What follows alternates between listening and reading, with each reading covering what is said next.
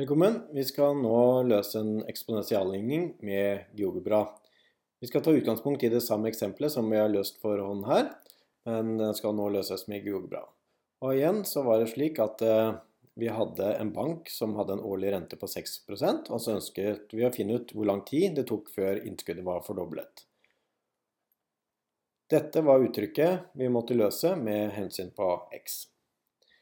Vi åpner GeoGebra og der taster vi bare inn eh, eh, vår ligning.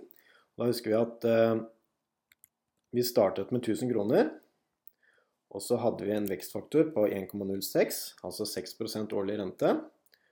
Og så opphøyer vi det i x. Og da vil vi få en graf, funksjonsuttrykket her, som viser hvor mye penger det er på konto etter x år.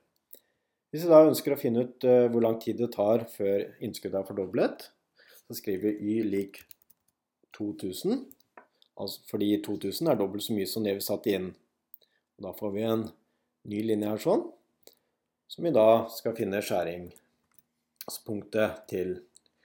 Så skjæringen mellom funksjonen f og linja a, det må jo da være der hvor uh, beløpet på kontoen er dobbelt så mye som det vi satte inn.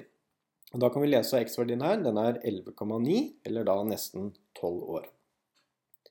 Vi kan også løse dette her med KAS-verktøyet i GeoGebra. Og da